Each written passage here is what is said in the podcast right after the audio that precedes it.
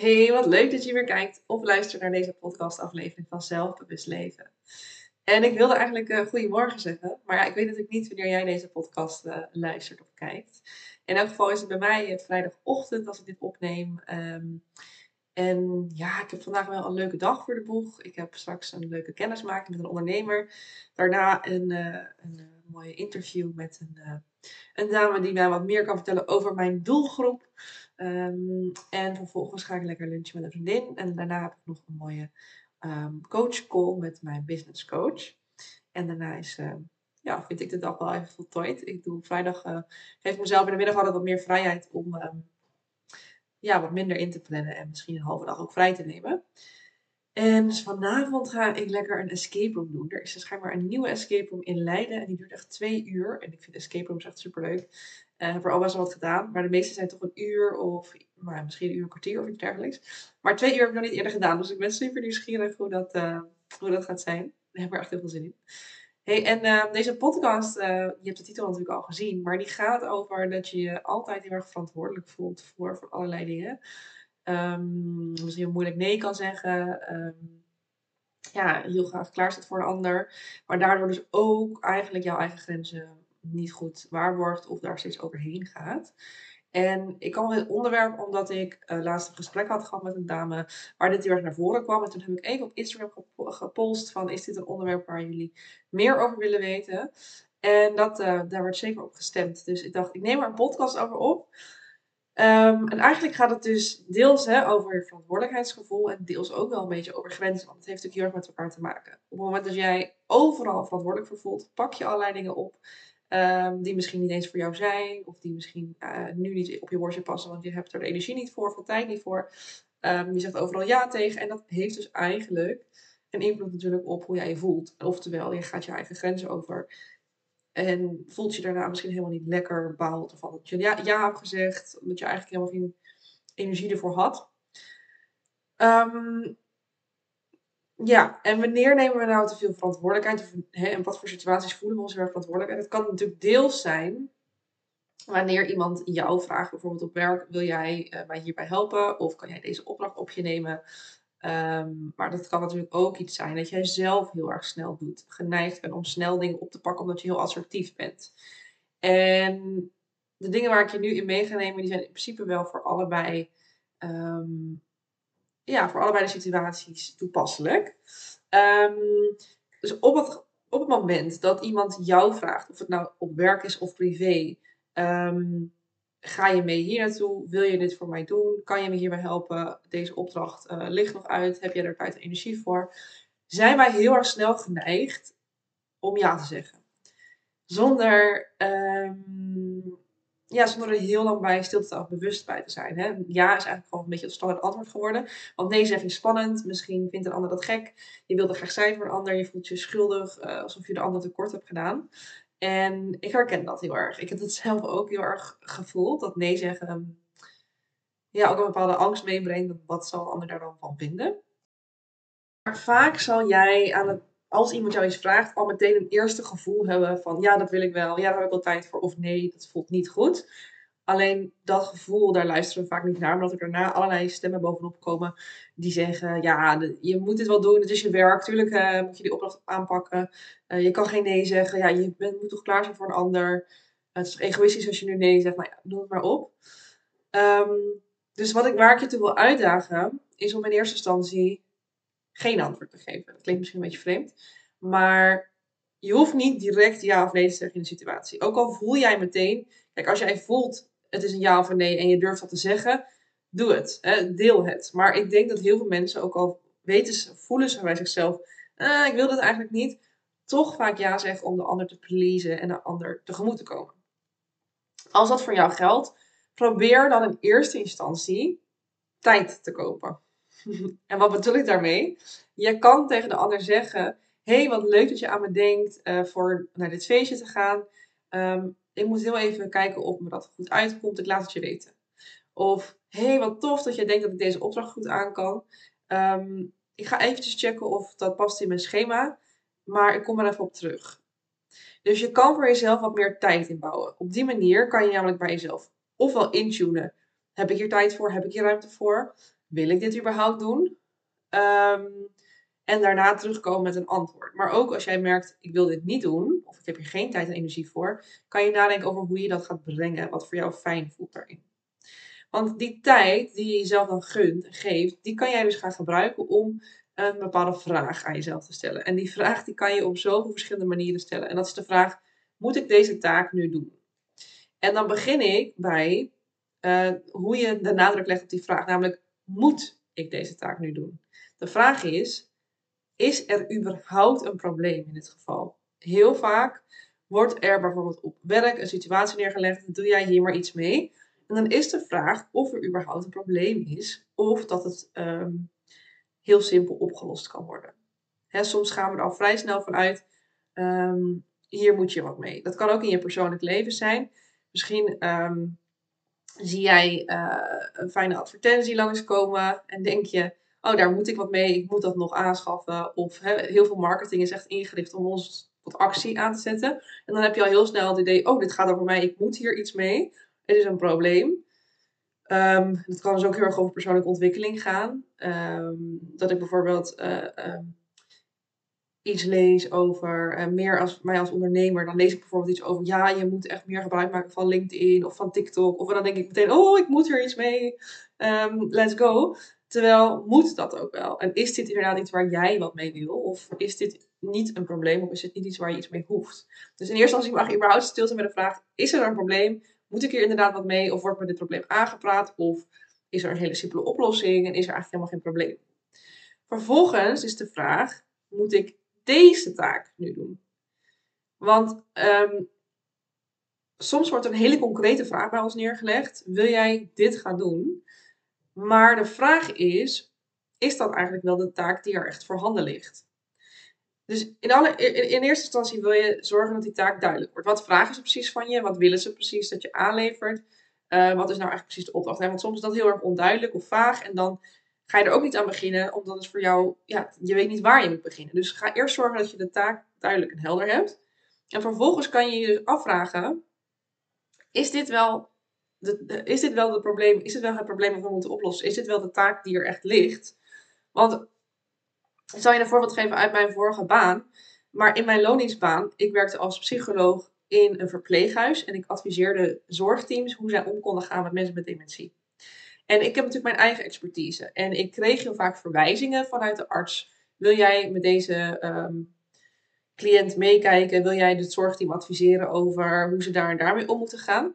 Maar soms kreeg ik ook gewoon de vraag: schrijf een omgangsplan, hè, schrijf een adviesplan hoe ze hoe, hoe deze zorgmedewerkers met de um, cliënt in kwestie moeten omgaan. En dan was er bij mij een soort van alle taak neergelegd. Nou, het, het, probleem of de taak is een uh, adviesplan schrijven. Terwijl ik dan dacht, ja, maar ik ga hier wel even naar kijken. Is er dit ook daadwerkelijk nodig? Of is het soms al genoeg om twee kleine aanpassingen te doen, omdat we meteen helder hebben hoe we dit probleem kunnen oplossen? En is zo'n heel plan niet nodig? want een plan dat ik moet schrijven, dat kostte veel meer tijd en moeite dan als ik soms gewoon een paar simpele adviezen kon geven. En um, ja, dat het al voldoende was. Dus ik keek wel heel erg kritisch naar de taak die er nu voor me ligt. Het probleem wat nu wordt geschetst. Is dat daadwerkelijk het probleem? Of ligt het elders? En kunnen we eerst daar beginnen? Of is het veel simpeler dan mij wordt voorgehouden? Vervolgens is de vraag: moet ik deze taak nu doen? Of eigenlijk is de vraag: moet ik deze taak doen? Dat is, dus de eerste nog. Moet ik deze taak doen? Want als het helder is dat er een probleem is en wat het probleem precies is, dan is de vraag: is die taak eigenlijk wel voor jou bedoeld? Um, bij mij, ook eh, bijvoorbeeld, lagen er ook wel eens vragen over begeleiding van cliënten voor een langere periode bij angstklachten bijvoorbeeld. Um, ja, dat had in mijn expertise, dat hoorde bij mijn vakgebied. Maar ik merkte ook al gauw dat een bepaalde cliënt helemaal niet gesteld was op mijn aanwezigheid, omdat ze mij niet kende.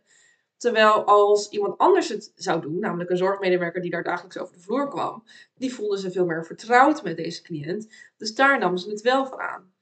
Dus de vraag was: is dit wel een taak die het beste bij mij past? Of kan ik beter iemand anders instrueren om die taak over te nemen? Omdat dat eigenlijk veel betere fit is. En dat is natuurlijk een voorbeeld uit mijn loondienstbaan, maar dit geldt natuurlijk voor jou hetzelfde. Heb ik hier wel de beste expertise in? Of past deze taak beter bij mijn collega? En dat is dus niet dat jij het wil afstoten of denken van ik kan dit niet of wat dan ook. Maar uh, omdat je eigenlijk wil dat de taak op zijn best wordt uitgevoerd. En als jij daar niet bekwaam toe bent, misschien niet de tijd voor hebt, niet de energie of de ruimte voor hebt, past het misschien op dit moment wel beter bij een collega. En in je privéleven, als iemand aan jou vraagt of jij kan helpen met schilderen of whatever, als jij daar nu niet de tijd en ruimte voor hebt, ja, is het dan wel aan jou om daarin in te springen? Of kan je beter zeggen, joh, vandaag lukt het maar niet, want ik heb geen energie en dan gaat die taak ook niet netjes uitgevoerd worden. En dan ben ik ook niet zo heel leuk gezelschap. Dus ik zou, ja, ik zou jou ook tekort doen op het moment dat ik nu ja zeg. En vervolgens is dus de vraag: moet ik deze taak nu doen? Want heel veel dingen die er voor ons liggen worden gepresenteerd als super urgent. Moet het nu gebeuren? Maar is dat ook echt zo? Als jij gaat kijken naar alle taken die je hebt, wat heeft dan prioriteit? Maar ook, is deze taak dusdanig urgent? Of Ehm, kan het best wel even wachten. Ik ga weer een voorbeeld geven uit mijn uh, vorige loningsbaan. Maar uh, als ze dan tegen een bepaald probleem aanliepen bij een bewoner, dat ze niet wisten hoe ze ermee om moesten gaan, was dat soms al weken gaande. En dan wilden ze wel dat ze alle minuut van mij een advies kregen. Terwijl ik dan denk, als jij al zes weken tegen een bepaald probleem aanloopt, dan kan het ook best nog een weekje wachten. Dan hoeft het niet nu. En zo mag je dus ook kijken, is het echt iets wat nu moet gebeuren? Of is het iets wat ehm, ook nog even kan wachten? Als je nou merkt, deze, dit, is het, dit is inderdaad het probleem. Dit is ook de taak die ik moet doen. Ik heb hem helder. Het is ook echt een taak voor mij. En ik mag het nu doen. Nou, dan kan je er direct mee aan de slag. Maar als je merkt, het is eigenlijk nu niet belangrijk. Maar pas later. Ga dat communiceren ga aangeven, volgens mij hoeft dat niet la minuut, maar ik ga er naar kijken en dan kan je ook aangeven op welke termijn je daarmee aan de slag kan. En daarin is het belangrijk, beloof altijd ongeveer 50% van wat je denkt dat je kan. Omdat we van nature heel optimistisch zijn. Super mooie eigenschap eigenlijk. We denken dat we heel veel kunnen doen in een bepaalde tijd. Maar vaak overschatten we dat. Dus ik zou het altijd uh, terugbrengen. Dus stel jij denkt, ik kan deze opdracht wel in twee weken af, af hebben. Zeg dan dat je het in vier weken af hebt. En als je het dan eerder af hebt dan die vier weken, hartstikke fijn. Maar als je merkt na twee weken, oeh, het is toch niet, gaat toch niet lukken, voelt dat veel vervelender dan wanneer je jezelf meer tijd had gegeven. En als je merkt, het is dus niet mijn taak, het past beter bij iemand anders, of ik heb er niet de tijd en ruimte voor, communiceer dat. Ga het aangeven. Zorg dat het dan bij degene terechtkomt die daarin wel uh, een goede rol kan spelen.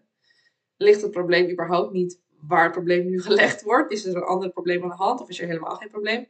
Maak ook dat bespreekbaar. Dus eigenlijk begint het met: ga voor jezelf tijd kopen. Ga niet meteen ja zeggen. Je hoeft ook niet meteen nee te zeggen als dat voor jou moeilijk is, als dat lastig voelt. Maar ga uh, jezelf even wat tijd gunnen.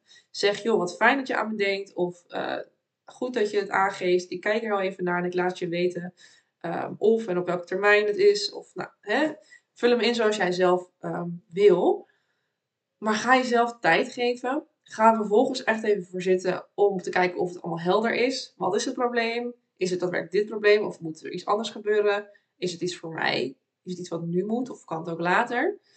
Ehm, en ga vervolgens daar dus weer over in gesprek met degene die het jou uh, voorhield. En als het dus een ja is op alles, let's go for it. Maar als je merkt, um, ja, dit is ja, uh, niet iets wat ik nu wil. Of um, dit, dit past niet in mijn, in mijn takenpakket. Dit past niet in, binnen mijn tijd. Uh, niet binnen mijn energie. Dan mag je daar um, ook eerlijk over zijn. En heel vaak zien we die, ja, zien we nee dus ook als een soort afwijzing van iemand of als iets van falen. Um, maar nee zeggen is eigenlijk gewoon puur aangeven van joh, ik vind het heel belangrijk dat die taak goed gedaan wordt. Of dat je met iemand naar dat feestje gaat die ook echt daar zin in heeft. Maar ik ben dat op dit moment niet, want ik heb niet de tijd, niet de energie, niet de ruimte ervoor. Dus ik zou jou ook tekort doen op het moment dat ik nu ja zeg, omdat het dan niet de energie krijgt die het verdient. Zo mag jij nee zeggen zien. Je mag het zien als een duidelijkheid als iets wat eigenlijk ook een soort dienst is voor de ander. Want als jij ja zegt terwijl je eigenlijk nee voelt, ja, hoe komt het dan de kwaliteit van jouw werk ten goede? Ik hoop dat je het ook zo kan zien en kan voelen. En ik hoop ook dat die vraag, moet ik deze taak nu doen, die je dus op vier verschillende manieren kan stellen, jou helpt om erachter te komen, is dit mijn verantwoordelijkheid? Is het mijn verantwoordelijkheid nu? En zo ja, oké, prima, maar zo nee, wat, ja, waarom, zou, waarom zeg ik dan steeds ja? En ehm, ja, kan ik dat dus ook op een andere manier aanvliegen en toch eens een keer te zeggen joh, het komt nu niet uit.